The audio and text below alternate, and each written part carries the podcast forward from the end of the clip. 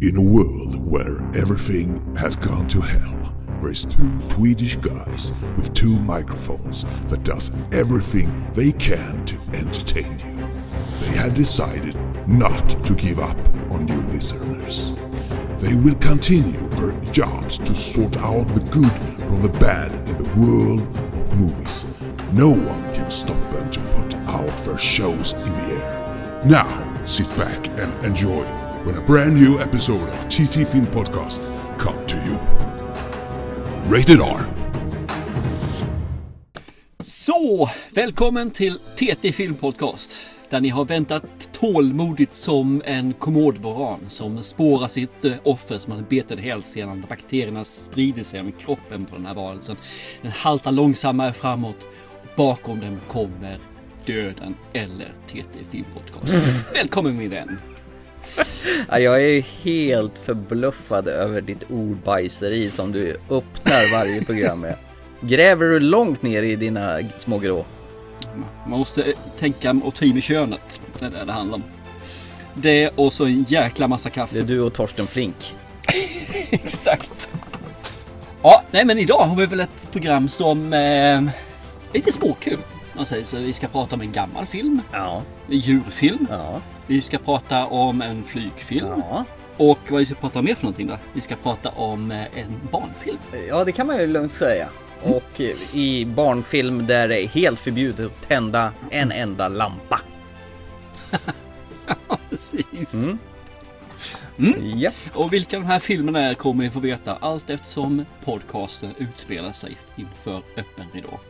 det är du och jag och två mikrofoner och en sjuhelsikes massa lyssnare. Eh? Ja, precis. Som det ska vara. Ja. Som tur väl inte live, för det vet jag inte om jag skulle klara av just nu. Nej, det är lite svårt där att editera bort allt, alla våra olater som vi har. Ja, och inte bara det, för jag sitter här just nu iklädd eh, den mest erotiska man kan ha. Åh, En träningsjumper och jag cykelshorts. tror du skulle säga att du hade mankini på dig. Så här Borat inspirerat. Potato potato. Så, har du någonting att eh, dra igång med innan vi hoppar in i verkligheten? Någonting som har hänt, någonting som eh, är väldigt allvarligt, något som är tragiskt, Mm. någonting som du bara måste liksom få ut inför lyssnare för att utbilda dem i livets ädla konst. Ja, det har jag faktiskt. Ja, eh, just nu så har ju Telia frivisning på Simor. Det är en sån här kanal som jag inte har. Så då tänkte jag, då ska jag passa på att se en specifik film som eh, blev lite förflyttad nästan i ett år. Den skulle först gått upp på bio för ett år sedan och sen skulle den kommit på juldagen och sen hamnade den på Simor istället. Och Thomas Alfredsson var vansinnig för att hans lilla ögonsten bara köptes upp av en streamingkanal och blev påklistrad som en Simor original. Och då pratar jag förstås om rebooten eh, Se upp för Jönssonligan. Vad gäller saken? Ett kassaskåp. Vad är det som ska plockas ut? En sten. Vad är det för typ av kassaskåp? Frans Jäger. Jag har en plan. En eh, fantastisk plan. En snillrik plan. Kanske den mest geniala plan vi någonsin har gett oss i kast med. Äh, skit på dig. Vad sa munnen? Hötorgsskraporna mitt i Stockholm city. Den här tjocka gubben som är kvar på taket, skulle det vara jag eller? Självfallet. Varje skrapa mäter 72 meter över marken. Förutom skrapa nummer tre. Hälften av skrapan är nedgrävd under marken. Där, längst nere, ligger Karelens hjärta. Ficklampa. Ja, Du vill ju ha en ja den lysande Sickan. självklart.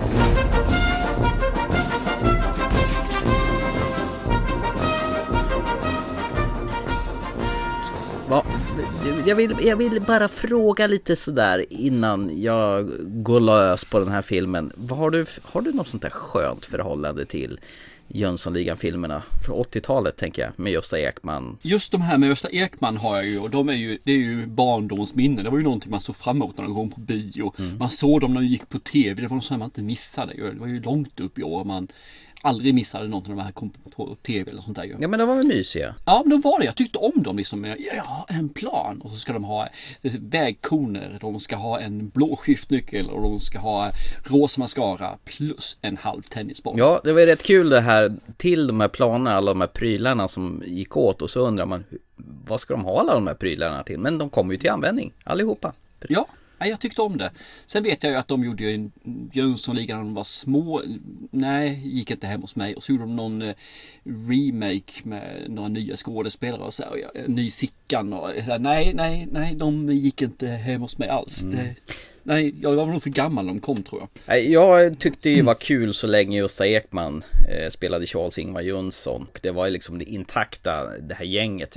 Han Rocky försvann ju efter första filmen, den här finnen. För han flyttade hem till Finland. Ja, jo, han blev ju Dynamit-Harry istället. Ja, de ersattes av Björn Gustafssons där. Eh, med Harry Rajan och vilken jävla smäll! Och han var ju konstant öldrickare. Och så hade han ju Birgitta Andersson som som Doris där som... Och vilket uppköp det var att kasta ut Rocky för han var ju dötråkig. Ja, ja, visst, absolut. Ulf Brumberg som Vanheden i alldeles för korta mm. brallor och de här vita loafersarna och sen hade sitt Vicks blå eh, sån här näsgrej som man stoppade upp i näsan där. Mm. Och, och allt sina färgglada socker. Ja, det är lysande i Sickan. Har. Se så lycklig han är. Vad är min herrfärre? Står han själv mina marker? Fantastiskt kul. Ja, sådana riktiga stereotyper. Ja, och Wallenberg som var den ständiga skurken och Frans ja, Jägerskåpen och så. Eh, sen försvann ju Gösta Ekman och sen mm. tror jag SF slutade producera filmerna för då gick rättigheterna till Sandrews Metronome och helt plötsligt så var det ju Stellan Skarsgård som blev ersättare till Gösta Ekman. Mm. En, en av de få dåliga roller han har spelat. Ja, jag tror han hette Diamant den svarta, Jönssonligan och den svarta diamanten tror jag minsann den hette. Ja just det, stämmer, stämmer. Och sen, jag ihåg när du säger det. Ja, och sen kom det en till med Peter Haber mm. efteråt då, som, eh, han hette någonting Busé eller något sånt där tror jag. Och just ja, var inte han någon typ av psykolog eller något sånt där som eh, hade haft Sickan som någon patient? Jo, och då gjorde de ju så att det var en ny ledare för gänget i varje film där. Det var väl något mm. sätt för att hålla liv i det här. Och de hade ju inte ens originaltemamusiken. Jag tror rättigheterna fanns inte hos Sanders Metronome utan hos FF Studios. Så det blev ju som Jönssonligan på konstgjord andning och sen de här som du nämner där med småbarns lilla mm. Jönssonligan med cornflakeskuppen och, och så gjorde de den här actionrökan och, och nu när Thomas Alfredsson rebootar det hela och tar tillbaka hela den här fina temamusiken. Du vet. Det är ju, mm, då, då tänker jag han är ju en solid regissör som har gjort filmer i USA, alltså Tinker Tailor Spy bland annat och han gjorde ju den här låten Rätta komma in. Så det här kan ju inte mm. gå fel kan jag ju tycka. Och när hon gör tillsammans um, ett manus med Henrik Dorsin, på pappret är han ju han skulle ju vara en, vad ska man säga, en klockren Sickan kan jag tycka. Jag har ingen åsikt där ska jag erkänna. Eh, filmen den börjar ju faktiskt med en sån här eh, kupp där de har en massa olika prylar och sen ska de göra de här momenten i, i takt till ett känt musikstycke. Men handlingen är ju jätteknepig. Det kretsar kring någon sån här finsk kungakrona som hittas på en vind på Nordiska museet. Och den, i den här kronan så ska det sitta en mystisk ädelsten som kallas för Karelens hjärta. Och sen vill några skurkar ha tagen där, för då blir man tydligen kan man regera som kung i Finland, för de har ju republik. Ja, precis. Där är liksom grundhistorien hur de ska stjäla den här jädra stenen där. Själva gänget splittras från första början då så att Sickan får eh, jobba på egen hand medan de andra fokuserar man mera på deras eh, privatliv när Harry och Doris idkar någon slags kollektiv för ma med massa Fosterhem eller något sånt där eller? Ja, typ så. De är fosterföräldrar.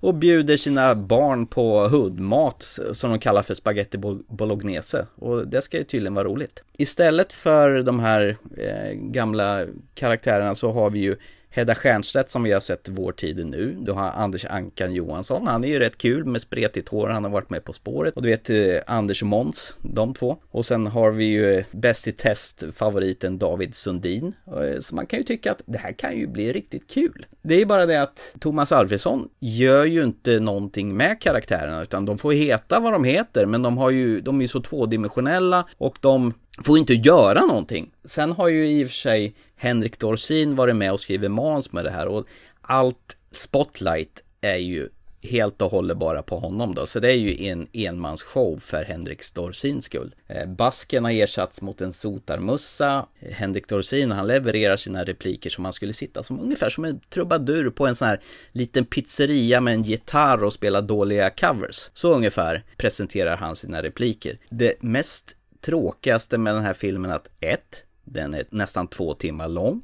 Två, Oj. den är inte ett jävla dugg rolig utan du har den här kuppen i början av filmen och sen är det ett jäkla massa pladder om den här finska Karelens eh, stjärna eller vad det nu heter.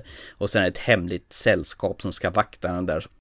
Och sen har man några henchmen då som kallas för Anita och Televinken. Eh, och då kan man ju undra, ungar idag, de har ju ingen jävla aning om vilka Anita och Televinken var för någonstans. Det är knappt så jag vet det. Nej, det var ju den här sprattelgubbe-dockan. Och jag, jag vet ju det, men det, kommer du ihåg någonting om Ani- Anita Televinken? Ja, ja, jo, absolut. Du gör det alltså? Du är så pass Ja, ja. gammal alltså? Okej. Så pass gammal är jag. Det, alltså den referensen, den kommer ju flyga över huvudet på alla ungar och sen alla som är i din och min ålder, de undrar va? Varför då? Då har en överplastikopererad Lena Olin som ska spela gangstertant och sen har du Reine Brynolfsson som är den här Televinken-karaktären och han springer runt med en jävla fläskfilé inplastad som, som han har som en jävla offergåva och går och slår med. Och problemet med det här, det är ingenting, det är ingenting som är roligt. Hur, hur fan kan man göra en två timmar lång film som bara är skittråkig? Karaktärerna har ingen hjärta, de har ingen själ, folk är genuint elaka mot varandra. Den eventuella humor som finns i filmen, den förstår jag inte, eller också finns det ingen humor. Vad tråkigt, eller ja, ja, tråkigt är det faktiskt. Sen har, ju- har ju jag inte känt att den här filmen har attraherat mig på något plan överhuvudtaget ens innan den kom ut om man säger så. Så jag är ju, Nej. Ja, det är en sån här film som jag inte förstår varför den gjordes egentligen. Ja, jag tänker mig så här, jag har hört jättemånga som har spytt på den här filmen. Jag tänkte så här, så, så jäkla dålig kan den ju inte vara. I, som jag sa inledningsvis, Thomas Alv Alfredsson var ju skitförbannad över att hans film eh, var uppköpt av More. Och sen Mm. står det ju dessutom i början av filmen till Gösta, till Birgitta, till Björn och till Ulf. Ungefär som att eh, den här filmen har vi gjort med kärlek till er. Men eh, om han var förbannad att filmen blev uppköpt av Simor och hamnade på streaming, det är ingenting vad jag är efter, efter den här jävla onödiga haveriet i film. Där Henrik Dorsin vill ha ensamrätt och synas och hans kumpaner blir bara endimensionella pappfigurer utan karaktärsdrag. Han borde fan skämmas, Thomas Alfredsson. Oj, så pass illa alltså? Usch. Ord och inga visor, vad får jag säga. Nej men jag kände att jag var tvungen att få ur det här ur systemet. Det här var ren skär skit. Det här var nog, alltså i nivå på de här senare Göta kanalfilmerna eh, nummer två och tre som är så här riktigt soptunnenivå. Det här är soptunnenivå. Ja, ja framförallt tre på Göta kanal är ju helt sanslöst dålig. Ja. Ja, nej, men jag håller med. Eh, det- eller håller med, jag har inte sett men jag håller med om att sånt där skit behöver vi inte se. Det, det finns så mycket film där ute som är bra. Varför ska man örsla på sånt här? Och ska du göra en tributefilm till en sån här gammal klassiker som ändå Jönssonligan är. Ja. då kan man åtminstone försöka fånga själen med det. Inte göra Mm. någonting nytt nytt med det. För det blir bara fel. Och ska du göra något helt nytt av det. Då behöver det inte heta Jönssonligan. Då kan det heta Bengt Eriksson. Ja, fast en sak ska de göra rätt i. Den heter Se upp för Jönssonligan och man kan ju säga se upp för den här filmen. För det här är ingenting att se. Så, så att titeln är ju riktigt vad de säger. Se upp för Jönssonligan. Vad bra, men då så. Då har du inte gjort någon falsk marknadsföring i alla fall. Nej, verkligen inte.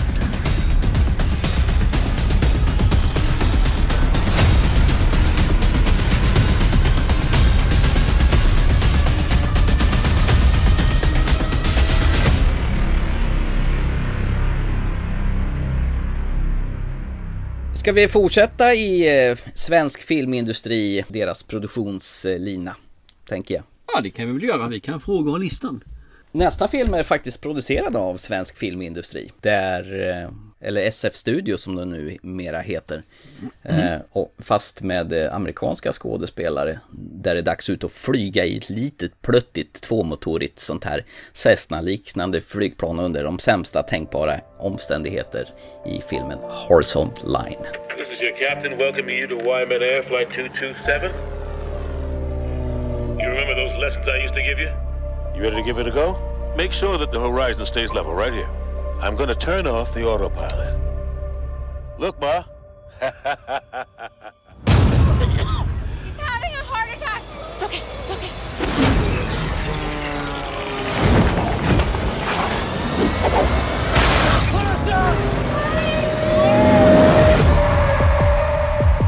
We have no pilot. The autopilot's broken. We have no idea where we are. Neither of us can land a plane. Hello? Can anyone hear me? This is a distress call. 227, come in. This is 227. You still got her in the air, so keep doing what you're doing. Holy shit, look at that. I see the storm. It's too big to go around. You're gonna have to play through it. Nu har jag ordbajsat så jättemycket om Jönssonligan så då kan väl du eh, ta plotten i den här eh, flygfett till film. Ja, jag- jag, funderade just på om man ska göra någon utmålande historia med lite grann vad som hänt och som kunde hända. Eller om man ska göra det som egentligen är kärnan i filmen. Jag tänkte jag, jag håller mig faktiskt till kärnan i filmen. Mm, Vi, kärnfullt. vi har tre stycken personer som ska ta sig med, via flygplan ut till en annan ö till ett bröllop. Över, och de som är där är piloten plus vad ska man säga, två stycken som har haft ett eh, personligt förflutet med ja, ett förhållande som på något vis har gått isär och blivit fel, blivit knas och nu är de ihoptuttade i en litet enmotorigt plan eller tvåmotorigt kanske. Och mitt ute över havet så eh, tar sig piloten för bröstet, får en hjärtinfarkt och dör. Och de här två ska då ta flygplanet i land igen. Och där har vi filmen. Ja. ja. Det är ju spännande. ja, precis. det. Men det här, eh, bara för att hoppa vidare lite grann. För jag, jag, satt, så jag satt så på den här så tänkte jag, det här är ju en katastroffilm i det lilla formatet. Ja, det är ju Titanic fast i ett litet Cessna. Fast bara två passagerare, precis. ja men det, det är ju liksom, det, det kunde likväl vara eh, 2012 utan att planet som inte kan eh, flyga uppåt. Mm. Och, det, och, det, är- jag, jag, och sen samtidigt så är det ju då två personer Mm. på ett ställe. Vilket innebär att det är en... Ja, ja, ja, förlåt. Nu satt jag och drömde mig bort. Det är ett kammarspel förstås. Tack, bra. ja. Och kammarspel brukar vi tycka om, eller hur? ja, ja, absolut. Katastroffilmer Eh. är jag dock inte så svag för. Man kan säga så här att eh, det är ju Sarah och Jackson och de har ju väldigt krångligt förhållande till varandra. Hon vill jobba borta i London. Han vill vara kvar på Mauritius. Hon sticker till London. Hon ska på bröllop och han är kvar på Mauritius. Hon träffar honom igen och hon, hon är sur på honom för att jag vet inte fan varför hon är sur på honom. Det är väl han som är sur på henne? Hon är väl inte sur på honom? Hon är ju bara suger på honom. Ja, det är klart. Hon, hon vill ju ligga. Ja. Ja, ja, men det förstår jag. Men han som han ser ut, han är ju rätt vältränad. Jo, det är ju i och för sig sant. Och hon är en jävla slarver som aldrig kommer i tid tydligen. Där, därför då hamnar de i den här tråkiga situationen. För hon ska ju åka någon båt till det här bröllopet och missa det. Och det är ju därför de är tvungna att hamna hos Freddie Wyman. Som spelas Keith David. Han kände, mig, kände jag faktiskt igen. Han har man ju Okej. sett i massa film faktiskt. Ja, jag läste på så därför vet jag ju någonting. Men nej, jag känner inte igen någonting på, på vad, något han har gjort. För vad var det du tänkte då på i sådana fall? Han är ju en sån här ständig birollsgubbe. Man känner Mm. igen hans flin där. Alltså, han har ju, han har ju jättebrett sånt där. Han är ju bland annat med i The Thing och Pitch Black och They Mm. Live. Alltså John Carpenter-rullar har jag ju sett ganska mycket i faktiskt. Men det är ju hur gammalt som helst ju. Ja, men herregud, jag gillar ju att se gamla filmer. Så det är därför jag känner igen honom. Så du Han- känner inte igen Ali- Alison Wilson, eh, tjejen i filmen då? Nej. Hon var ju med i The Perfection ju. Den här cellofilmen. Cello, ja, var hon en av cellobrudarna menar du? Mm. Yes, Charlotte var hon där. Ja men det, det är så nytt vet. Förr kommer jag ihåg saker och ting. Nu, mer när jag blivit gammal och ser grejer nytt, då försvinner det efter fem minuter. Ja men det, jag, jag köper det. Det, det är som du säger, han får hjärtinfarkt. Han är ju inte med speciellt länge överhuvudtaget, Freddie Wyman. Han hinner ju bara kliva på, tala om för henne att hon var ju jävligt duktig på att flyga en gång i tiden. För att, aha okej, nu planterar vi det här att hon kanske eventuellt kan flyga det här flygplanet. Ja, lite grann i alla fall. Sen tar han ju sig för bröstet och sen trillar han av pinn och så måste ju hon och han komma på bra sätt och försöka hitta vägen till fastlandet. Det som är, jag tycker det är väldigt så här konstigt att oj, deras båda telefoner är trasiga. Oj. Nej, deras, de är inte trasiga. Ja, de blir ju trasiga sen. Men, det är också, det finns ju fan ingen täckning ute på havet. Det vet ju alla för fasen. Och eh, komradion funkar ju skit och eh, själva autopiloten går sönder. Eh, kompassen går åt helvete så att de har ju, de ser ju till att alla förutsättningar till att överhuvudtaget veta var de ska någonstans, det går ju åt fanders. Är det inte lite väl? Jo, men det måste de göra, för annars blir det ju ganska enkelt att fixa det här. Det är ju det som är problemet. De måste ju göra det här så det ska bli extremt, extremt, extremt svårt. Så jag kan, jag kan köpa telefonen, jag kan köpa autopiloten, jag kan Ja. köpa alla de här delvis, jag kan göra faktiskt. Sen Ja. så är jag ju lite konfunderad över deras beslutsprocess. Så Mm. De gör vissa saker som jag bara, nej, det där skulle ingen normal människa göra. Nej, de gör ju väldigt Inte ens en konstiga onormal grejer. människa skulle göra det. Nej, var. Och de tvekar inte att göra tokiga Nej, saker. precis. Inte en sekund. Så att, och, och, och det, då tror jag, när jag satt och tittade på det här så såg jag bara det, bara kände, nej, så där skulle man inte göra. Och det där skulle man absolut inte göra. Och varför gjorde de det? Okej, okej, det är en sån här typ av film. Ja. De kommer göra dumheter hela tiden. Ja. Och du måste köpa det. För kan du inte köpa att de gör dumheter för att det ska dra filmen framåt till nästa steg för att de inte kunnat göra ett ordentligt manus. Då kommer den här filmen bli urusel. Då kommer det Mm. vara ett hatobjekt under hela filmen som tyvärr, som väl är inte är så lång utan en och en halv timme. Speltiden är ju perfekt för en sån här typ av film. Ja. Det hade ju liksom inte funkat att gjort den en minut längre överhuvudtaget. Nej, det hade inte gått. Det hade det inte. Och nu kommer vi till grundproblemet till den här filmen som jag alltid har problem med. Jag är ju skitirriterad på både Sarah och Jackson som karaktärer redan från början. Deras jävla stimmiga förhållande till varandra och deras sätt att vara. Alltså det är väldigt så här komplicerat, långt tjafs det här innan de sätter sig i flygplanet och det är väldigt hackigt och konstigt. Hon är i London, det är Mauritius och och det är så här väldigt kortklippt och hackigt så att själva tempot i början i filmen känns väldigt ur balans. Kan du förstå hur jag menar? Eh, Kanske. Eh, Jag tror dock inte jag håller med dig helt och hållet. Så inte jag. Men jag, jag kan förstå vad du, vad, vad du menar. Det tror jag Det faktiskt. är jävligt ja. omständigt till, att- till att de ska hamna på det här flygplanet tillsammans med, eh, med piloten då. Eh, De gör en lite för lång eh, intro i filmen. För den Ja. här typen av film som egentligen inte behövs. Jag Nej. kan förstå. Det hade liksom mer eller mindre räckt att de gör det. Att de har ett förhållande. Hon sticker till London. För att hon Mm. gör sin karriär där.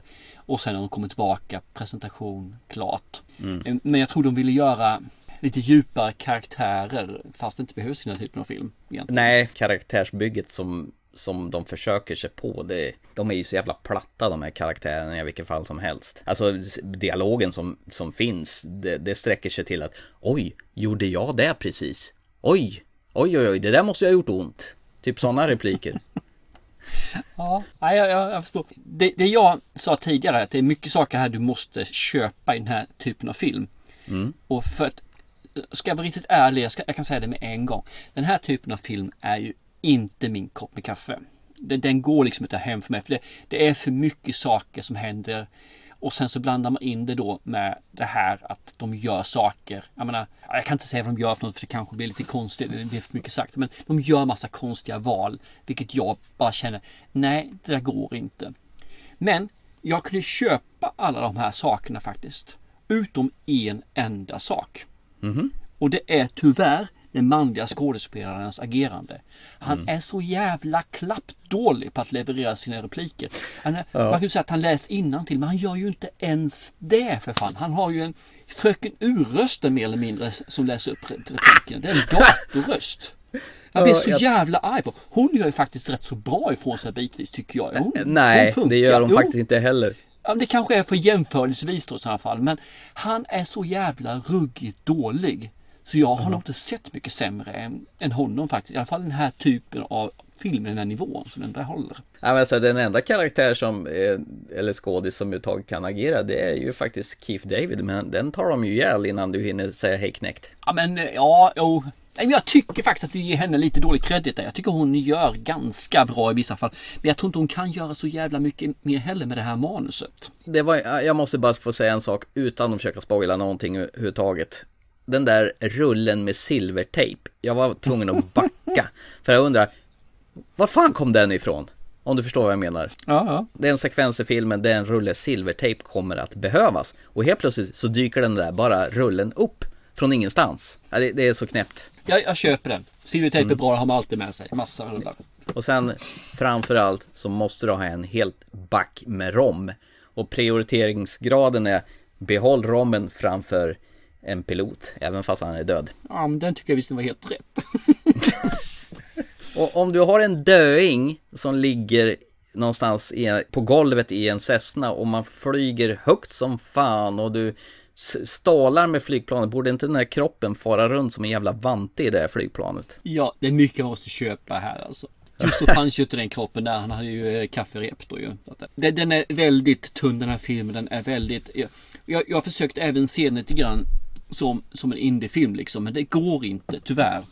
För det finns inget, inget fundament i den överhuvudtaget. Det är liksom ett, ja, som ett herrelöst plan. Ingen vet var fasen tar vägen någonstans. Om det ska upp, ner, höger, vänster. Nej, jag säger ju som du sa, de gör ju såna jävla puckade jävla skitval hela tiden. Och jag menar, slutet har ju också sån sjuk nödlösning så att Men den listar med utslutet redan innan, långt innan hur den skulle sluta ju. Exakt hur den skulle sluta alltså. Det, det roliga är att jag satt där och såg den tillsammans med min flickvän. Ja. Och eh, jag hade, tror jag, fyra eller fem slut som hade varit mycket bättre än det slutet det blev. Och då menar jag mycket bättre alltså. om man ska säga någonting på pluskontot så såg det bitvis. Man, man fattar ju att det här är ju VM i green screen. När de, Mm. de lär ju inte ha suttit i ett riktigt flygplan överhuvudtaget. Utan, men i vissa fall så ser det lite halväkta ut i alla fall när de tittar ut genom eh, den här öppna kabinen och ner mot havet. För jag tänkte, det var faktiskt någonting som får igenom också. För jag tycker inte om höjder.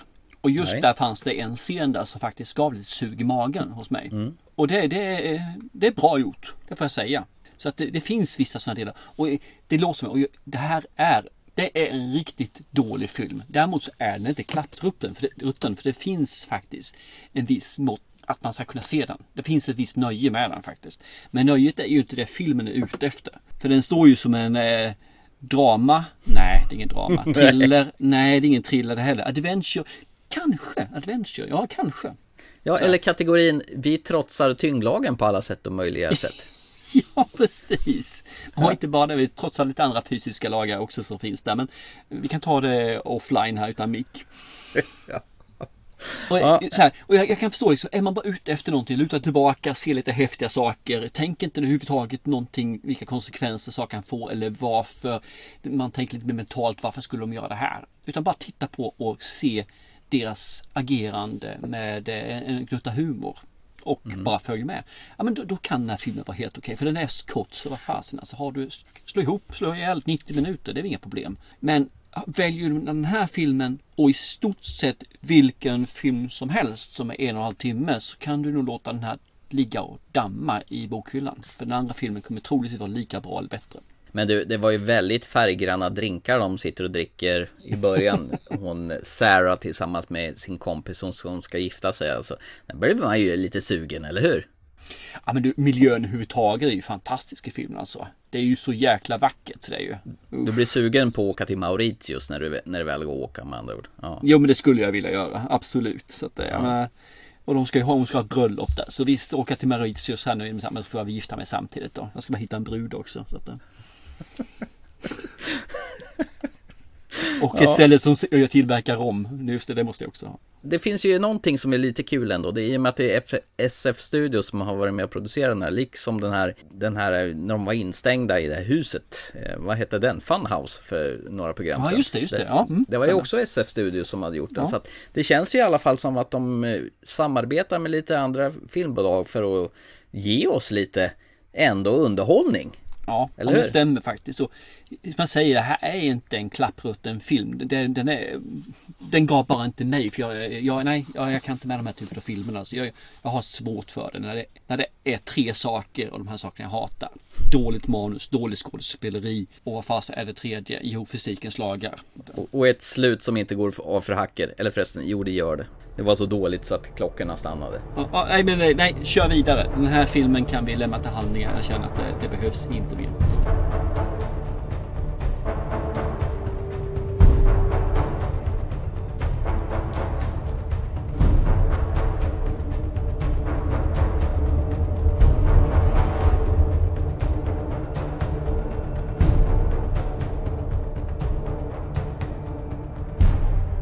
Jag tycker vi går till andra sidan av programmet nu istället. Åh, vilken fantastisk segway. Vi beger oss till SVT Play. Den här filmen hade du och jag tänkt och gått och sett på bio. De hade ju faktiskt förhandsvisning på den här. Kan det ha varit i november någon gång? Ja, någonstans där var den. Det, det Filmstaden skulle bjössa på sån här förhandsvisning för sina medlemmar och jag precis missade att få bland de sista biljetterna, jag var skitsur över det här. För jag menar, det här var en svensk skräckfilm. När såg man det senast? Måste varit Besökarna med Johannes Brost och Kjell Bergqvist och Lena Endre. Huldra? Ja, jo det är klart, absolut. Huldra. Ja, ah, så tog jag är. och sen så har vi ju tänk... din och Marel, det är väl också en skräckis, är det inte det? Nej, oh, men det är ju indiefilmer. Det här är ju någon form av eh, finansierad film. ah, okej, okej. Ja, men jag, jag ja. köper det. SVT har varit med och Det är en svensk in. film som vill vara lite Hollywood kan vi säga va? Ja. Och det är väl tack vare, eller tack vare är väl fel att säga, på grund av pandemin som den här filmen redan finns på SVT Play. Liksom Spring och i Spring också numera finns på SVT Play att se. Mm. Nice. Andra sidan då? Jag tror att det här kommer vara helt rätt för oss. Jag med. Det här andra huset, ja. det är ingen som bor där eller? Nej, det står tomt. Vi köper det, eller hur? Gör det. Du kommer få ta allt här hemma och med Lukas. Jag, jag vet inte. Det kommer gå bra. Jag, jag, måste ju vara på jobbet, vet du. Men då kommer Shirin. Hon kommer vara här. Så det kommer bli hur bra som helst. Hej! Du vet vad som hände där, va? Vadå? Vad, vad var det som hände? De hade inte bott där så länge när deras barn försvann. Kan någon som inte är komma tillbaka? Nej, det kan de inte. Den lilla pojken som du leker med, vad vill han, Lukas? Han vill leka. Hallå? Men han är rädd för gubben. Du var dum. Du är inte min mamma. Det som hände var att min fru blev psykiskt sjuk. Det är så jävla konstigt som händer här. Det finns något i det där huset. Vad fan har du gjort?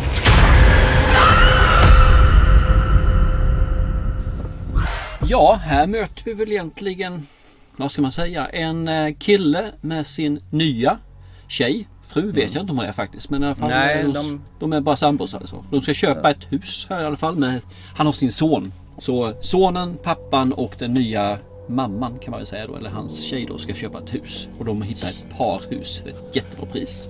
Gulligt, underbart, fantastiskt. Och redan här triggar man ju någonting med när killen säger en pojke bor här.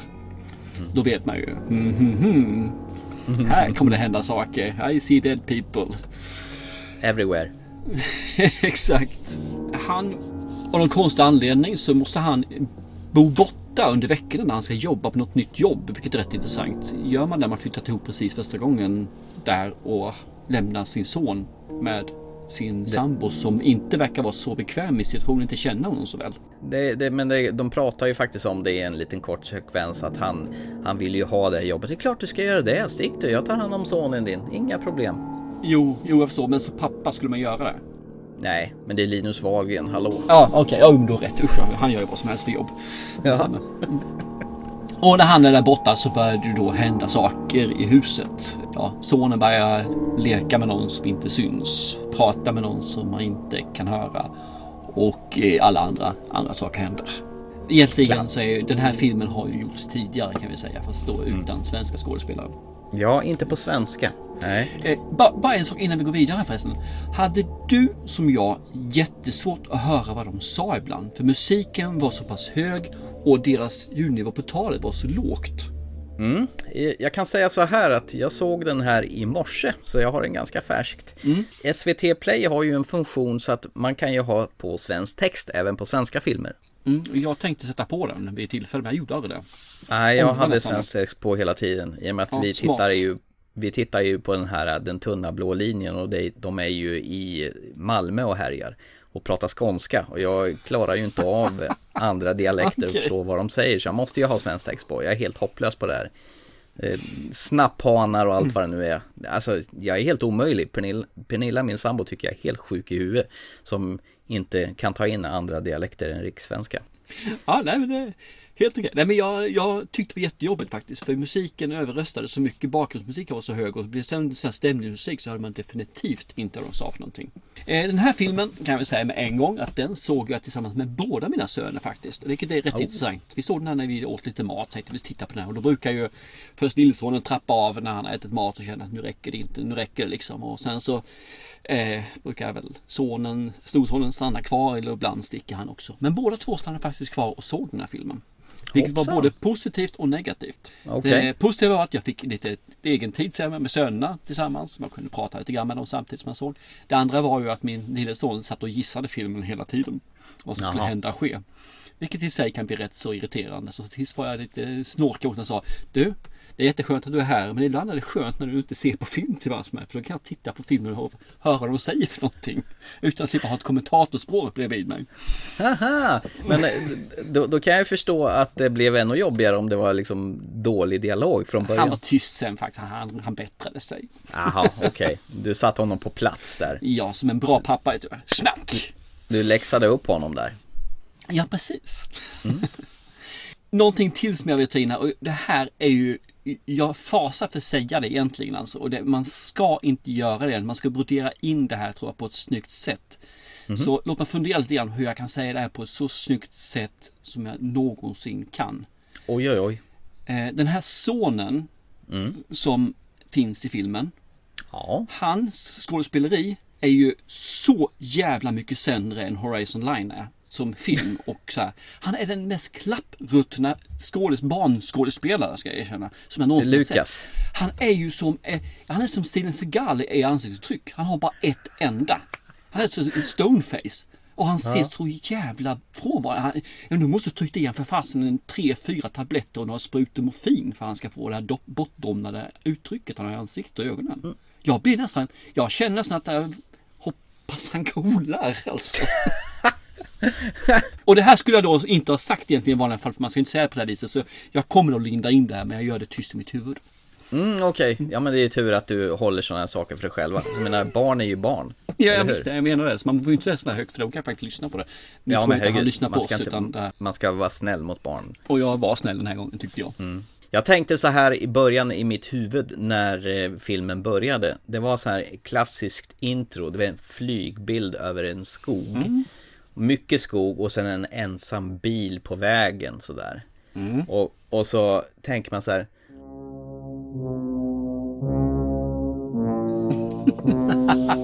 Där är liksom klassisk The Shining öppning så här.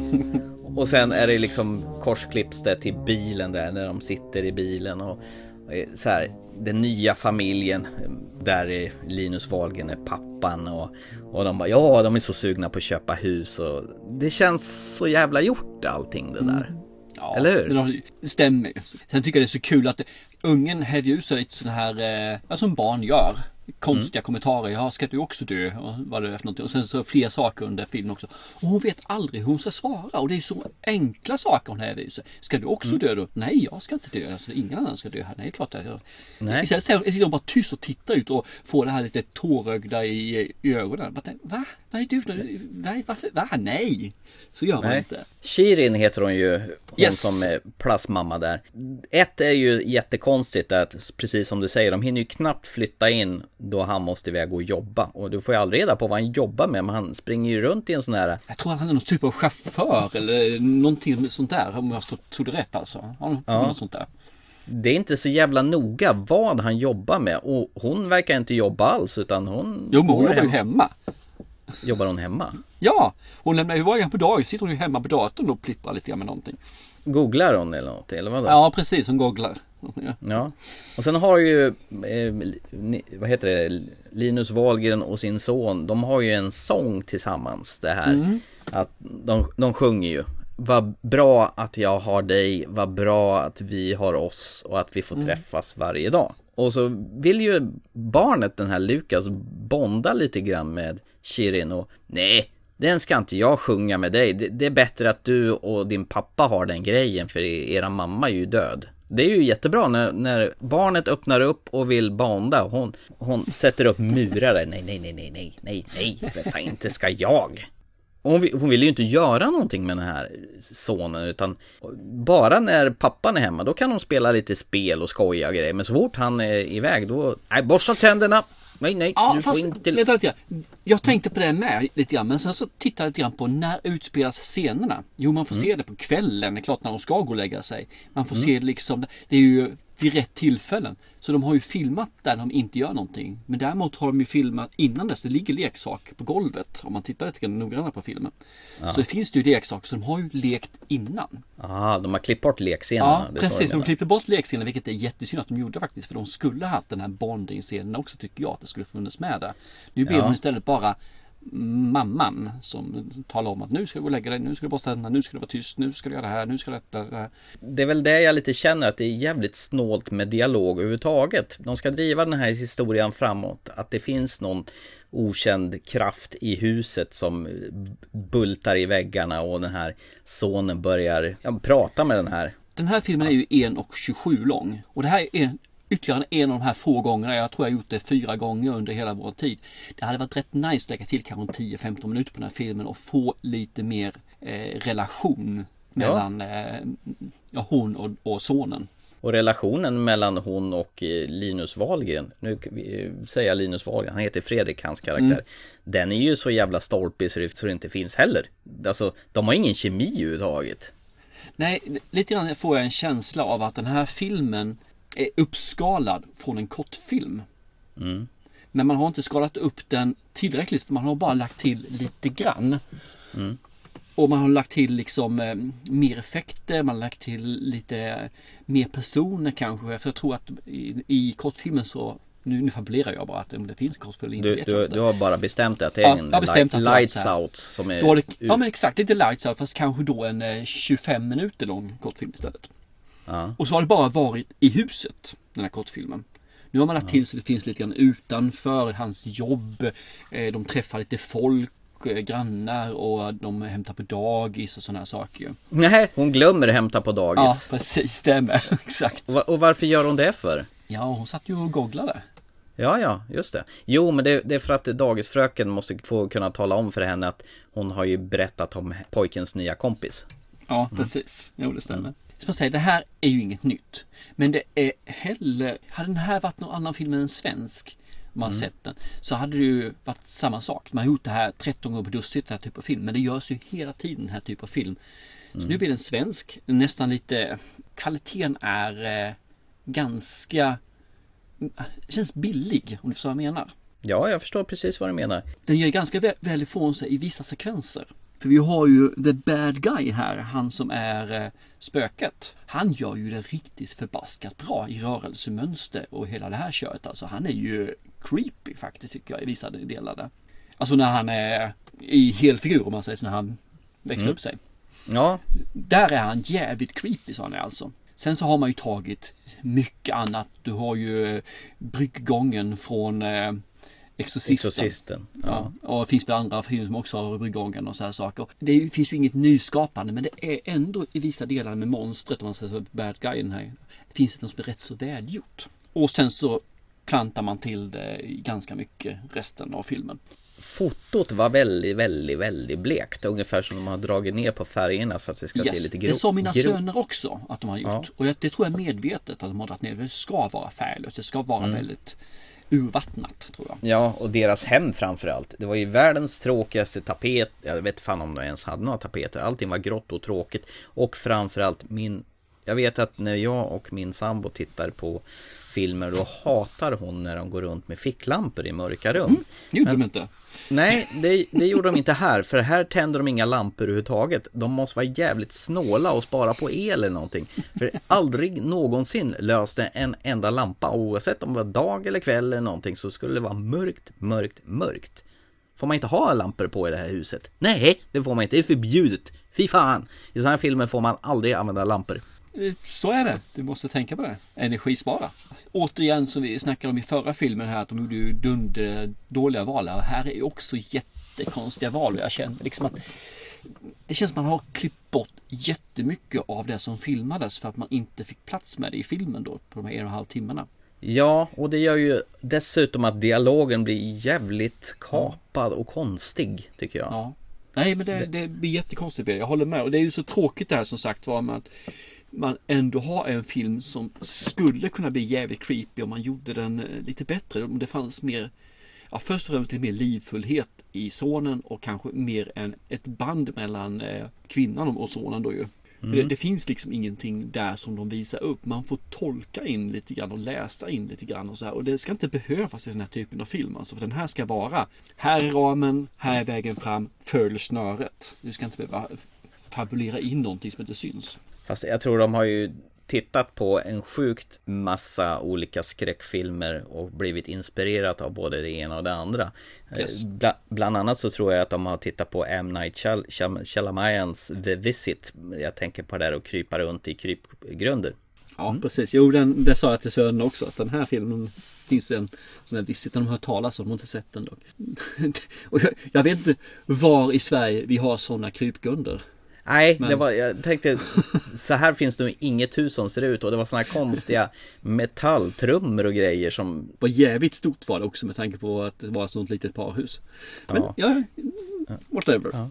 Men om vi ska gå till klappdåliga slut. Vi, jag gnällde ju på Horizont Line att den hade ju, det var det mest sämligaste slut jag sett. Men vad fan var det här då? Det här slutet var helt jävla sanslöst. Det var, det, det, det, var nästa nivå med att förstöra en film. Men jag kunde se förbi det och ändå kunna ta del av filmen och hur jag kände för den när jag tittade på den. Men det är ett skitdåligt alltså, slut. Det är riktigt jävla slut. Ja, det, alltså, det är sånt riktigt antiklimax så att mm. det finns ju inte. Ja, och jag är nästan jag är så jävla sugen på att spoila slutet, men jag ska inte göra det. Ja, jag, jag satt och funderade på liksom hur det gick med vissa karaktärer, men det löstes ju i alla fall innan eftertexterna började rulla. Ja, hur, hur man fick reda på hur det gick för alla i slutet där, ja. Stämmer. Musiken var ju trevlig. Var, var det bra att jag har dig, vad bra att vi har oss och att vi får träffas varje dag. Den är ju inte påhittad på något sätt. För jag trillade ju till i eh, eftertexten att det var Astrid Lindgren minsann som har skrivit den där barnramsan som de ah. sjunger. Och okay, är tydligen okay. med i Nils Karlsson Pyssling. Jaha, ja. Ja, ja, där ser man. Ja, det var nytt. Fick du lära dig något nytt? ja, precis. Eh, bara för att ge något positivt så tycker jag det finns en hel del creepy scener här faktiskt som är bra. Eh, tyvärr så slarvar man bort dem ganska brutalt som man gör alltså. För mm. de, de skulle ha gjort lite grann mer. De skulle ha teasat lite grann innan. Och sen så skulle man, ja jag vet inte, lagt till lite intelligens i eh, skådespelarnas karaktärer. För det, det, det, mm. det förtar så vansinnigt mycket så det gör alltså i, i, i creepy-faktorn. När, när ja. det, det bara, nej usch, det, är synd. det är så synd för jag tror den här filmen hade kunnat bli ganska OK som skräckfilm. Men och, den är inte det. Den är, den är faktiskt riktigt sugig, tyvärr. Jag, jag blir ledsen alltså när jag säger det, för jag vill gärna att en svensk skräckfilm ska vara bra. och grejen är det att jag är ju irriterad på alla karaktärer i den här filmen också. Det är ju så här, ja. jag hoppas att alla går och dör. Och kan jag inte sympatisera med någon, då, då har jag ju jättesvårt att investera i det där. Det är ju mitt ständiga problem som jag Fan, jag låter som en hackig skiva som ja. återupprepar mig. Jag kan ju göra tvärtom. Jag kan ju tycka det är kul att se fram emot att den här personen förhoppningsvis dör i filmen. Och tycka att det är rätt kul att se mm. vägen fram ja. till det. Alltså, jag menar, varför inte? Ja, ja, vill ni se den här i alla fall så gå in på SVT Play och kika på den så att den finns här för allmän beskådan. Och... Den är gratis, så vad fasen vad har ni att förlora? En och en halv timme av ett liv. För det är inte ofta man får se en svensk skräckfilm. Det Nej. är faktiskt inte det. Så jag tycker ändå att ni ska logga in på SVT Play och titta på den alltså. Och efter ni har mm. sett den här så går ni in och tittar på Spring och ge spring som är så brutalt bra istället. Ja, Spring och ge spring. Den, den är fin. Du, ska vi... Mm. Eh, vi kan väl säga så här för det första. Jag mm. tycker ju, gå in och se på den på SVT Play som jag sa tidigare. Och för att ta tillbaka det vi har tidigare lite grann. Är den värd att se eller inte se?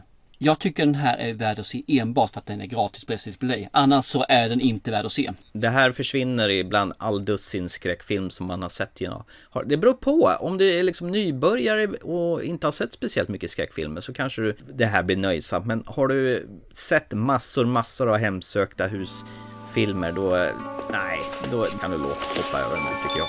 Ja, det är bra att jag har dig.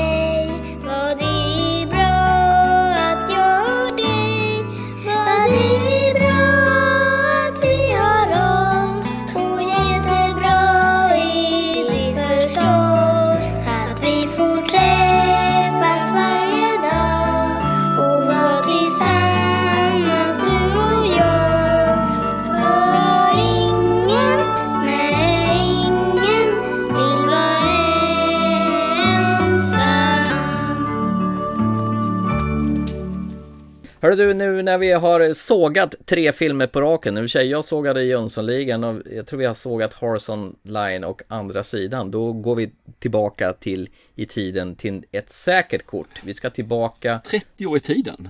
Till 22 mars 1991 hade filmen När lammen tystnar premiär. Mm. A rookie FBI agent. Found a girl's body down in West Virginia. Are you saying that he's killed again? I'll help you catch him, Clarice. A psychiatrist turned psychopath. Yes, and now, Clarice. Poor little Catherine is waiting. Opposites with one attraction. Tell me his name, Doctor. Now, Lecter's missing hand arm. Ah! her life hangs in the balance. Man's a raving maniac. Who knows what he'll do? The Silence of the Lambs. Rated R. Då tycker jag vi som vi brukar göra. Hur kändes det då för dig när du såg den och när såg du den? Såg du den på bio? Såg du den på video? Hur gjorde du egentligen? Jag tycker vi ska frångå våran mall faktiskt här ordentligt. Och Mhm. tala om vad, vilken film det är och lite grann vad den handlar om. Det börjar med istället. Vi brukar glömma det, att tala om vad den handlar om. Det mesta. Vi är så jäkla heta på att gå reda på det vi tyckte.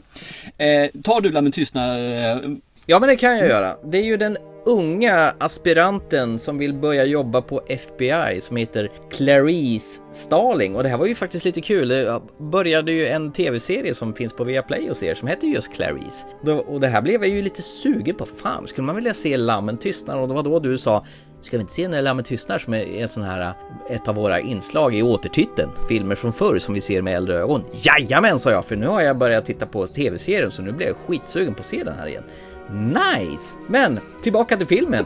Det handlar ju alltså om unge Clarice som- som är en aspirant som är jävligt duktig på att sätta såna här, vad ska man säga, seriemördarprofiler. Och de vill ju ta hjälp av henne eh, att plocka den här eh, seriemördaren som kidnappar lite kraftigare kvinnor. Seriemördaren kallas Buffalo Bill och det gör han på grund av att han flår ju av kroppsdelar från de här kvinnorna. Och de bara försvinner rätt och slätt och hon blir indragen och får samarbeta med en, en instängd eh, massmördare och kannibal som kallas för Hannibal the Cannibal eller Hannibal Lecter som spelas av Anthony Hopkins. Doktor Och- Hannibal. Doktor för att vara exakt. En riktigt slemmig typ och en väldigt ung Anthony Hopkins. Och för att inte tala om Judy Foster, hon är ju skitung här. Hon såg rätt fräsch ut dessutom, tyckte Ja, jag. ja, då också. Hon ser jättefräsch ut fortfarande. Så att, Och det jag minns av den här filmen är att den var skitcreepy och de hade kastat på mycket gore och såna här grisiga Mhm. effekter och larvpuppor i folks munnar och obducerar och grejer. Och det stämde nog lite överens med vad jag kommer ihåg. Eller vad säger du? Ja, för om man tittar på den, det, det jag kommer ihåg här är ju samspelet mellan Clarice och Hannibal. Mm. Just det här What you see Clarice, what did you see? Det är en sån här när de zoomar in på hans ansikte. Det är ju sån här som är som en beacon för den här filmen. Som ett minne. Mm. Och, Hans backslick. och det roliga är att jag tror att hon umgås med honom fyra scener i hela filmen och ändå är det det man kommer ihåg. Ja, det är inte så länge va? Nej, nej, det är jättekort tid om man säger så. Filmen är ju eh, rätt så lång för dåtidens mått mätt, nästan två timmar lång. Eh, För 91 så var det en jättelångt film. Sen så har vi det här eh, spelet då som är massmördaren, han är eh, Buffalo Bill då. Som finns med där också. Mm. Och det kommer jag ihåg lite grann också. Hur eh, han eh, jagade rätt på nya offer och hur han behandlade offren innan han då skar ut, jag skar bort skinnet på dem då. Och så det kommer jag ihåg. Och jag kommer ihåg att jag tyckte Hannibal var en cool kille. Han, visst, åt, ja, men visst åt han lite människokött och sådana saker men han var ändå cool liksom. En häftig grabb Ja. liksom. Clarice i alla fallet, hon var ju den här lite, lite väna, bräckliga fast samtidigt Mm. stark. För hon, hon visar ju så här bräcklig, samtidigt så är hon ju driven. Hon, är, hon vill ju komma någonstans liksom. Så det kommer jag ihåg också att det fanns en, en, en eh, schism där i hennes karaktär egentligen. Där hon är både och. Och det är inte ofta man hade på 90-talet man hade starka kvinnor som hon faktiskt ändå är i den här filmen. Ja, exakt. Det ser man ju i introsekvensen när hon springer den där hinderbanan Mm. att hon är fysiskt stark. Ja, precis. Och så har vi då Buffalo Bill som jag sen kommer till också här då. Och det är ju då, jag tyckte han var creepy och äcklig. Och då var det inte Mm. äcklig på ett bra sätt.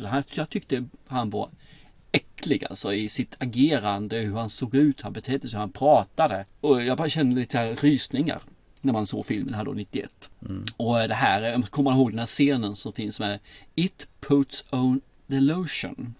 Ja just det, It puts Ja, of precis. illusion ja. Nej. Ja just det, han objektifierar sina offer som inte människor. Det är väl för att ha distansen till att det här är inga, för att inte känna någonting antagligen. Så att det, det kommer jag ihåg ju. Och sen finns det några sekvenser sen till med, med Hannibal som man tycker fortfarande då är jäkligt goda. Framförallt när det är väl eh, guvernören där som kommer och besöker honom när han snackar om om hon har eh, ammat sin dotter som då är bortrövad och så här. Och då, om det kittlar i bröstvårtorna nu när hon tänker på honom. Eh, så här, lite, lite så här. Eh, varför skulle det vara med? Men man kommer ihåg det. Ja, och likan han slickar sig om munnen när han talar om att han eh, tuggar i sig hans lever till en gott chantin och så här. Ja. Och han säger så. Så det finns sådana här, här saker man verkligen kommer ihåg, scener som har satt sig. Och det är rätt många scener faktiskt som har satt sig från den här filmen som man kommer ihåg om man bara börjar prata om den. Kommer du ihåg när hon fick sperma i ansiktet av granncelkamraten? Absolut, det kommer jag ihåg. Och jag kommer ihåg när jag gick ut från den här biografen och sett den här filmen. Så var slutet det bästa slut jag någonsin sett fram till 1991. Så den här filmen var verkligen min kopp med te när det gäller slut i slutfilmer. Tyckte den här var jättebra. Jag tycker den var skrämmande. Jag kommer ihåg att slutscenen var rätt så ruggig i det här mörka rummet. Och eh, Med fanns- brunnen, eller när han har goggles på ja, sig. precis. Och den, den var ju, ja den, den, den, eh, den var creepy och eh, rätt så stressande kommer jag ihåg när jag såg den här 91. Mm. Överlag en skitbra film tyckte jag då när jag såg den. Och den har ju faktiskt 8,6 på IMDB och för en film är det ju brutalt bra. Nu redogjorde jag jättemycket om filmen här. Jag vet inte, har du något mer att tillägga? Din, eh, ja, hur, hur, såg du, hur ser du på filmen från då, om vi säger så då? Jag kan säga så här, jag såg inte den här på bio, jag hyrde den. Av någon anledning så gick jag och drog mig aslänge på den här filmen. Jag vet inte varför. Kan ju knappast vara för omslaget, för den är ju ganska tilltalande. Det här ansiktet med den här utslagna djävulsfjärilen då. Ja, eh, som är framför munnen. Det man som sagt kommer ihåg det var ju kommunikationen med Clarice och Hannibal och deras samtal nere i den här buren då och hur man kände hur jäkla farlig han- var och den respekt alla hade för honom då. Och det är rätt så smart dialog och han var rätt rapp att läsa av folk. Och Lite Sherlock genom att Holmes bara varning titta- på honom. Ja, verkligen. Och de talar om för henne att låt honom inte komma in i ditt huvud och så här. Men de här scenerna som man kommer ihåg det är ju de här sjuka grejerna. Det som satte sig mest på näthinnan det är ju när den här Buff- Buffalo Bill spelar den här popmusiken i, sin, i sitt hus och så stoppar han snorren mellan benen och sen dansar han för att se ut som en transvestit och som att han har en kvinnligt könsorgan istället för sitt manliga. Och det var en av de här sakerna som jag tyckte att jag tyckte han var creepy för när jag var här i ålder var jag 20 eller 18 år eller sånt där var 18, 19, 19 år eller sånt där var. När jag såg den här filmen och då, då var man inte bekväm med att det, det fanns transvestiter och det finns sådana här saker. Folk som eh, en kille som ville vara en tjej. Det var liksom bara nej, nej. Och det var därför man tyckte han var creepy och var äcklig. Eh, idag, ja vi kan komma till det sen vad man tycker idag förresten. Jag ska hålla ut. Fortsätt, ursäkta.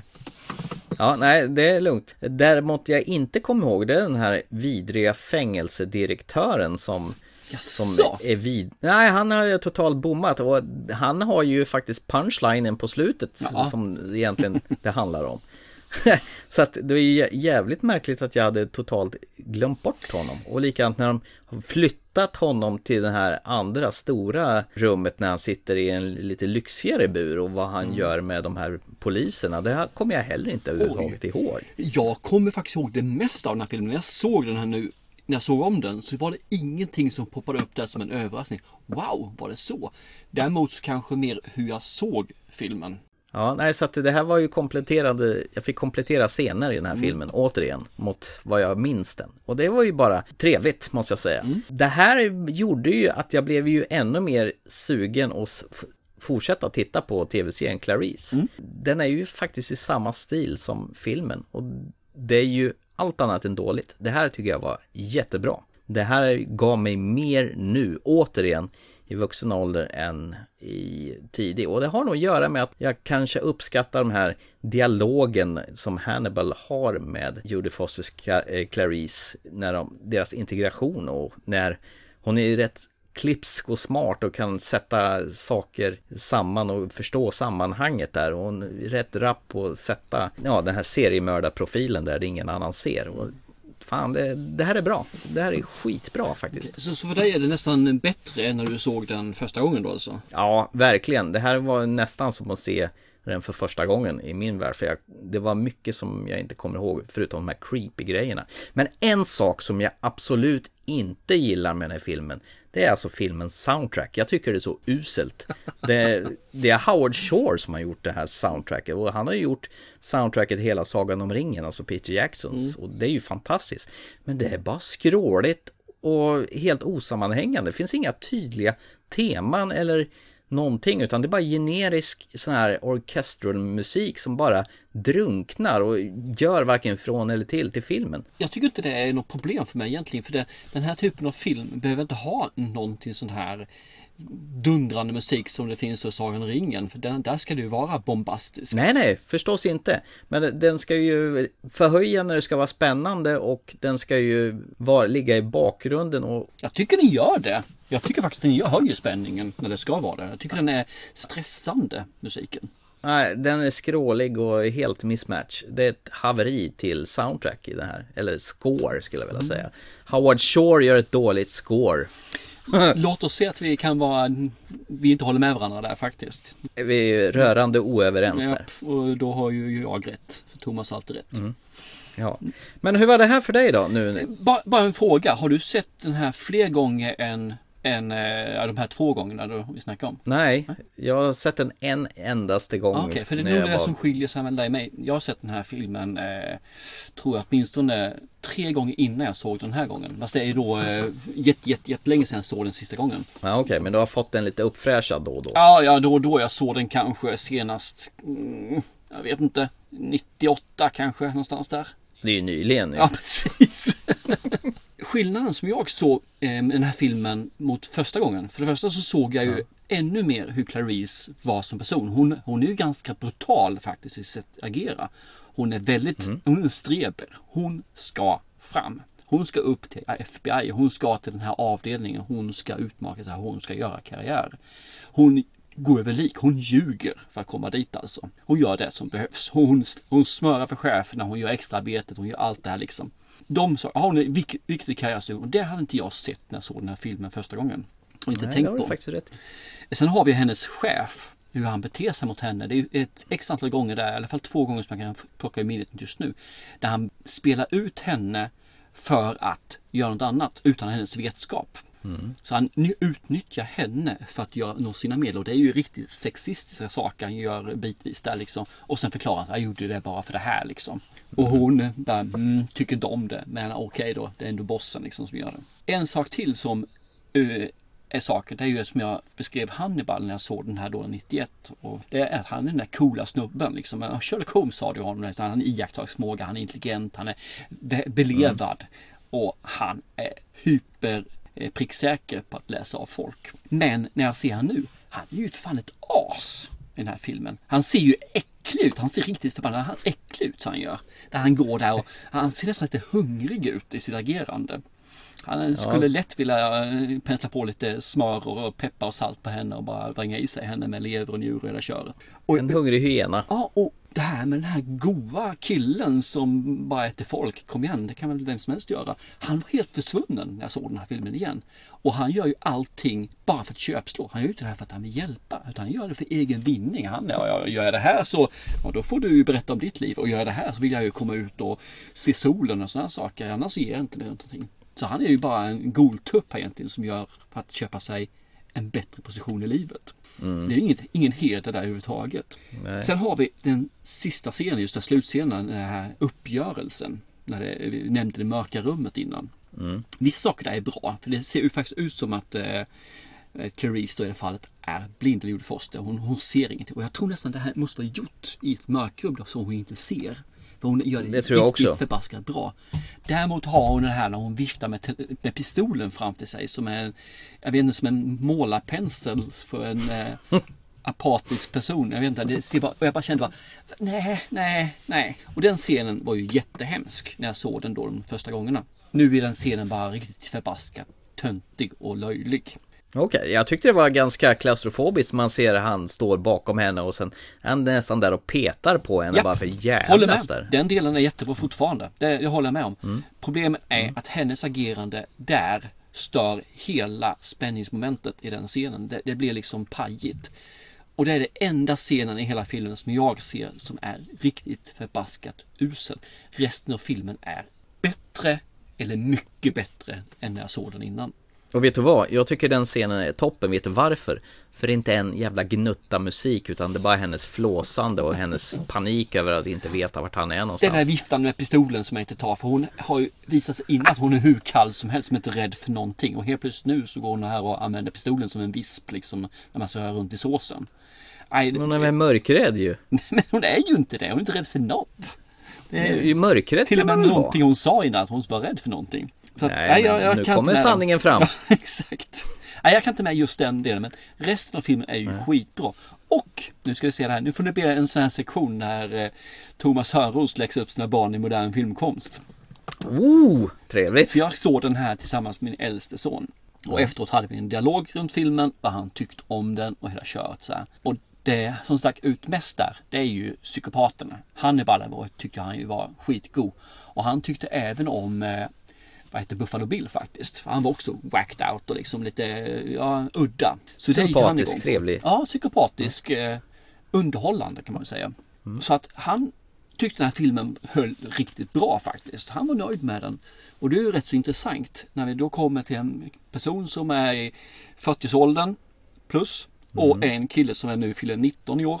Och båda två kan ha väldigt bra nytta av filmen och verkligen få ut någonting av den. Det visar att det här är ju en riktigt förbaskat bra film. En 30-årig film som fortfarande håller för två generationer. Det är ju det är inte ofta som det här händer alltså. Det är inte det. Det tänkte jag faktiskt på att den här filmen står sig nog jävligt bra för att det är inte så här mycket tekniska prylar som, som syns.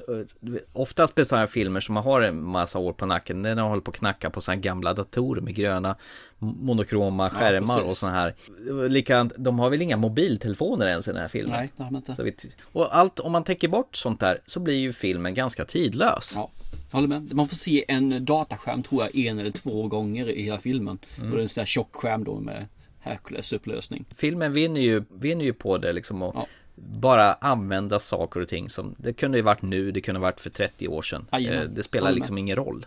Eh, jo, en sak till förresten som skiljer sig. Ursäkta, jag glömde bort den i Villevallen här. Mm. Buffalo Bill. N- När jag såg honom från 91 och för 30 år sedan så var ju han creepy, äcklig, hela faderullan, jag- hela min tonårsväsen eller ungdomsväsen mådde illa av honom i stort sett alltså. När jag Mm. såg honom idag så tycker jag nästan mer synd om honom faktiskt. Han är en tragisk person, han är en trasig själ liksom. Han, han behöver ju egentligen bara vård den här killen alltså. Han behöver ju någon som älskar att ta hand om honom egentligen alltså. För han, någonstans på vägen har han ju gått vilse och jag, jag känner mer att han är ingen bad guy. Han är bara en som föll mellan stolarna i samhället som inte fick den hjälp och ja, väg, vägledningen i sitt liv. Alltså, jag kunde inte tycka illa om honom på det. Jag tyckte bara synd om honom faktiskt. Som vill sy en eh, klä, kropp av kvinnokläder och vill ligga med sig själv framför spegeln. Ja, Men- ja. det sista vet jag inte om man vill göra visserligen men äh, sy in kvinnor, äh, kvinnokläder, det vill han göra absolut. Men han är, har ju riktig förkärlek för hundar. My precious. Precis. Mm. Eller som att en ring istället. Med. Och det tänkte jag på, hon som satt nere i hålet. Mm. Hon är ju rätt så tuff egentligen, trots att hon sitter med skägget i brevlådan. Både och.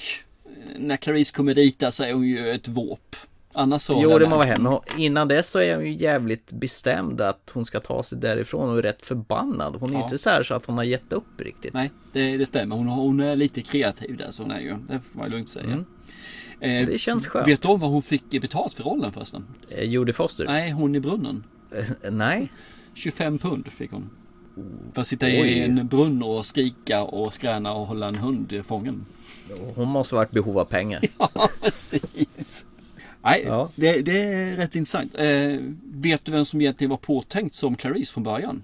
Inte Jodie Foster. Nej, det vet jag faktiskt inte. Men du kommer säkert tala Michelle om det. Pfeiffer var det. Men hon eh, nonchalerade den totalt. Hon ville inte ha med den här filmen att göra. Så då kom Michelle, alltså, Jodie Foster in där och hade verkligen innan sagt att hon ville göra den här filmen. Och efter, hon hade, efter ett möte så sa han okej, du har rollen. Det finns ju flera filmer som drabbar runt i det här eh, universumet. Du har ju uppföljaren Hannibal där Anthony Hopkins åter Mm. upprepar sin karaktär. Men då är det Julia Moore som har tagit över rollen som Clarice Starling. Jag har för mig att den filmen var ingen värst. Den filmen är skitdålig. Eh, Jag och mitt, mitt ex eh, och tittar på den och jag har nog aldrig haft så mycket att säga om en film hela vägen hem som vi gick hem. Det tror jag gjorde det fallet. Från biografen hem så var det så mycket skitsnack om den filmen. För den var äcklig bara. Den var bara så jävla dålig. Det fanns ingenting om finessen som finns i Lammen tystnar. Så att bara Nej. bort. Och detsamma gäller väl lite grann eh, Röd Drake som då är väl eh, prequelten, Manhunt är väl egentligen originalet där va? Ja, den finns väldigt få varianter. Dels har du ju han en Manhunt som eh, han, Miami Vice-regissören gjorde med eh, CSI-skådisen, eh, han som spelar Grissom i första filmen. I, an, I den nya är det ju Edward Norton som spelar den karaktären. Är det Hannibal som figurerar i den filmen också? Ja fast det är ju inte Anthony Hopkins som- är där. Utan det är någon annan person. Nej. För det, det handlar om hur de fångar Hannibal. Och vill man ha ännu mer av Hannibal så finns ju tv-serien Hannibal där Mads Mikkelsen spelar den här rollen. Är det någon här som tycker väldigt illa om Anthony Hopkins så ska ni ju tycka extra illa om den här filmen. För det här var hans sista försök att bli någon i filmbranschen. Han sa jag gör det ett försök till. Jag tar den här filmen och gör ett försök. Slår jag inte igenom då liksom och breakar. Han har gjort film innan men aldrig blivit någon eh, med stjärnstatus om man säger så. så jag, då, då flyttar jag tillbaka till England och så, så gör jag teaterscenen istället. Mm. Och den här blev ju hur stor som helst. Och han gick upp i A-status och tjänade ju mycket pengar och har då gjort x antal filmer till efter det här. Som sagt var bland annat som Odin. Ja, han brukar ju få spela fädrar ganska ofta på film. Ja, precis. Det stämmer. Ja, Jag vill inte det största färgen för honom. Han har gjort några bra filmer men eh, ja, ja, ja. Jag tror, tycker inte han har någonting som inte någon annan har, om vi säger så. Men Jodie Foster lär du gilla va? Ja, Jodie Foster är fruktansvärt bra. Jag tycker om henne. Hon har ju ett leende och hon har en karisma faktiskt, närvaro i eh, filmerna som gör att det blir riktigt bra. Det finns ju en, en riktigt, ska jag säga, medioker film med Elysium där hon spelar eh, The Bad Bitch. Och hela filmen är ju, med Matt Damon, är ju huvudrollsinnehavaren. Just det. Och han gör ju en jätteblek roll. Filmen är jätteblek och tafatt. Men hon är ju the bitch. Hon är helt fantastisk i den filmen. Och hon är Mm. rätt så god i den här filmen Hotell Artemis också som kom här 2018. Sanctuary, huset där folk kan komma in och få se om skadorna och dylikt. Den här äh, rymdfilmen med Matthew McConaughey och hon äh, Contact tror jag den Ja, heter. Den är väl rätt den är bra. ruggigt bra. Det är en av de bättre. Den gillar du? Ja, jag tycker om den. Det gör jag verkligen. Riktigt, riktigt. Den ska jag nog se om någon gång faktiskt. För den eh, har jag bara sett en gång. Så den ska vi kanske Ja. föra upp på listan faktiskt. För det här är en riktig mysfilm där. Jag är lite svag för den där flight plan också när hennes dotter bara försvinner rakt upp och ner på flygplanet och ingen överhuvudtaget vill veta av att hon har klivit ombord med någon dotter. Okej, den är så har inte jag sett. Har du inte det? Nej. Safe House då? När de blir attackerade och de har ett sånt där, eh, eller eh, inte safe, safe room heter den Ja, förresten. jag, jag tyckte inte Panic Room heter den va? Panic Room, ja så var det ja. Eh, Jag tyckte inte den var så eh, riktigt bra faktiskt. Det, det var ingenting som är... Nej, den gav mig ingenting. Däremot ser jag ju fram emot eh, hennes nästa film alltså, som ska komma i år. Är Mar- Mhm. Mauritian eller något sånt där. Uttalet mm, brasklapp där. Är det något sci-fi? Det är också nej, nej, nej. där, Det handlar mer om eh, Guantanamo. Åt det hållet. Det finns en som är an- anklagad för att vara terrorist och sitter i Guantanamo. Och hon ska då försvara honom som advokat. Mm. Och eh, det verkar Okej. bli ett riktigt... Ja, den, den, den verkar kunna bli hur bra som helst den filmen. Så jag, jag tror att... Eh, nu kommer den nog helt fel läge va egentligen. Men jag tror att den skulle kunna bli en kandidat för någon typ av um, Oscar faktiskt. Det är bara känslan jag får. Mm. Ja, nej men då kan vi ju drifta iväg som satan här från när lammen tystnar. Men vi kan ju helt rätt bara tala om att den håller fortfarande filmen. Ja, det, det gör den. Absolut. Har du inte sett den, se den. Har du sett den, se den igen. Har du tonåringar, se den tillsammans med dem. För den här filmen håller hur bra som helst. De enda som inte ska se den tror jag, det är nog den ytterligare äldre generationen.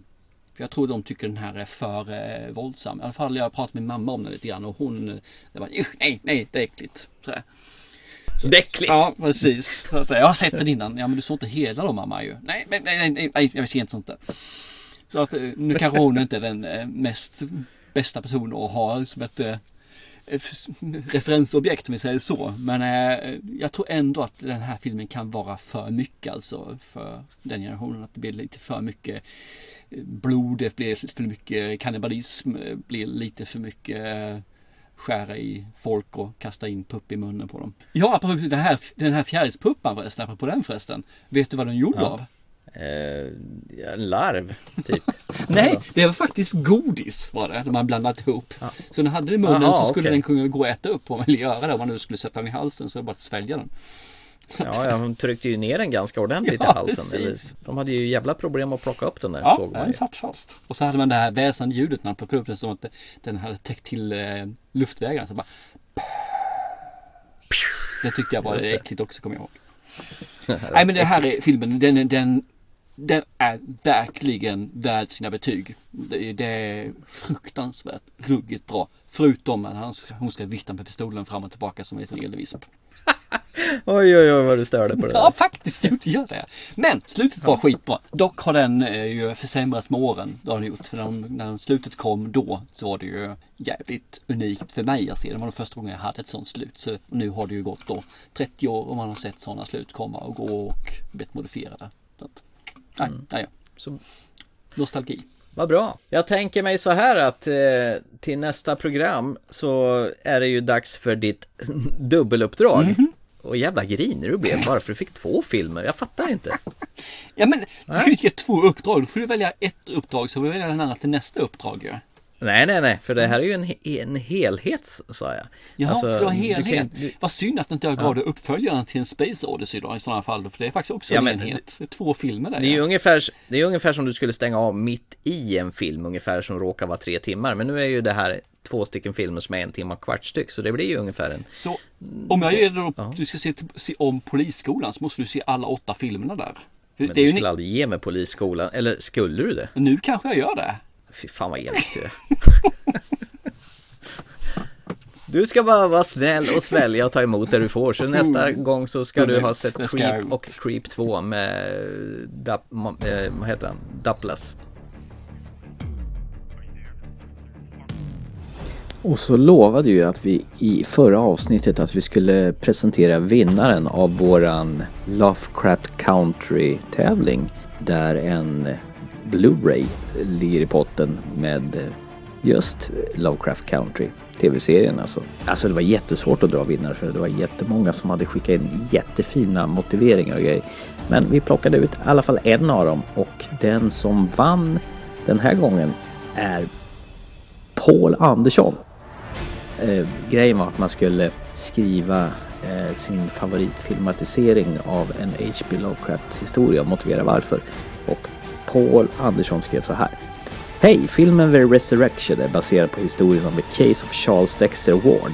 Känslan, stilen och allt är helt perfekt. Särskilt scenerna i katakomberna. Filmen innehåller inga jättefantastiska effekter men de duger helt klart. Bra ljussättning och bakgrundsljud ger en underbar atmosfär och Dan O'Bannon har gjort ett felfritt jobb som regissör. Det är inte bara den bästa Lovecraft-filmen jag sett utan även bland de bästa skräckfilmerna på min topplista. Filmen är så välgjord och ger en sån inlevelse att man nästan känner doften av ruttet kött och det menar jag alltså som en komplimang. Med vänliga hälsningar Paul. Jag menar, här fick vi dessutom ett filmtips också. Så att eh, grattis till dig Paul Andersson. Vi kommer skicka Lovecraft Country på Blu-ray till dig inom kort. Eh, vi kontaktar dig på mail och så vi får dina adressuppgifter. Och den här tävlingen gjordes i samarbete med SF Studios.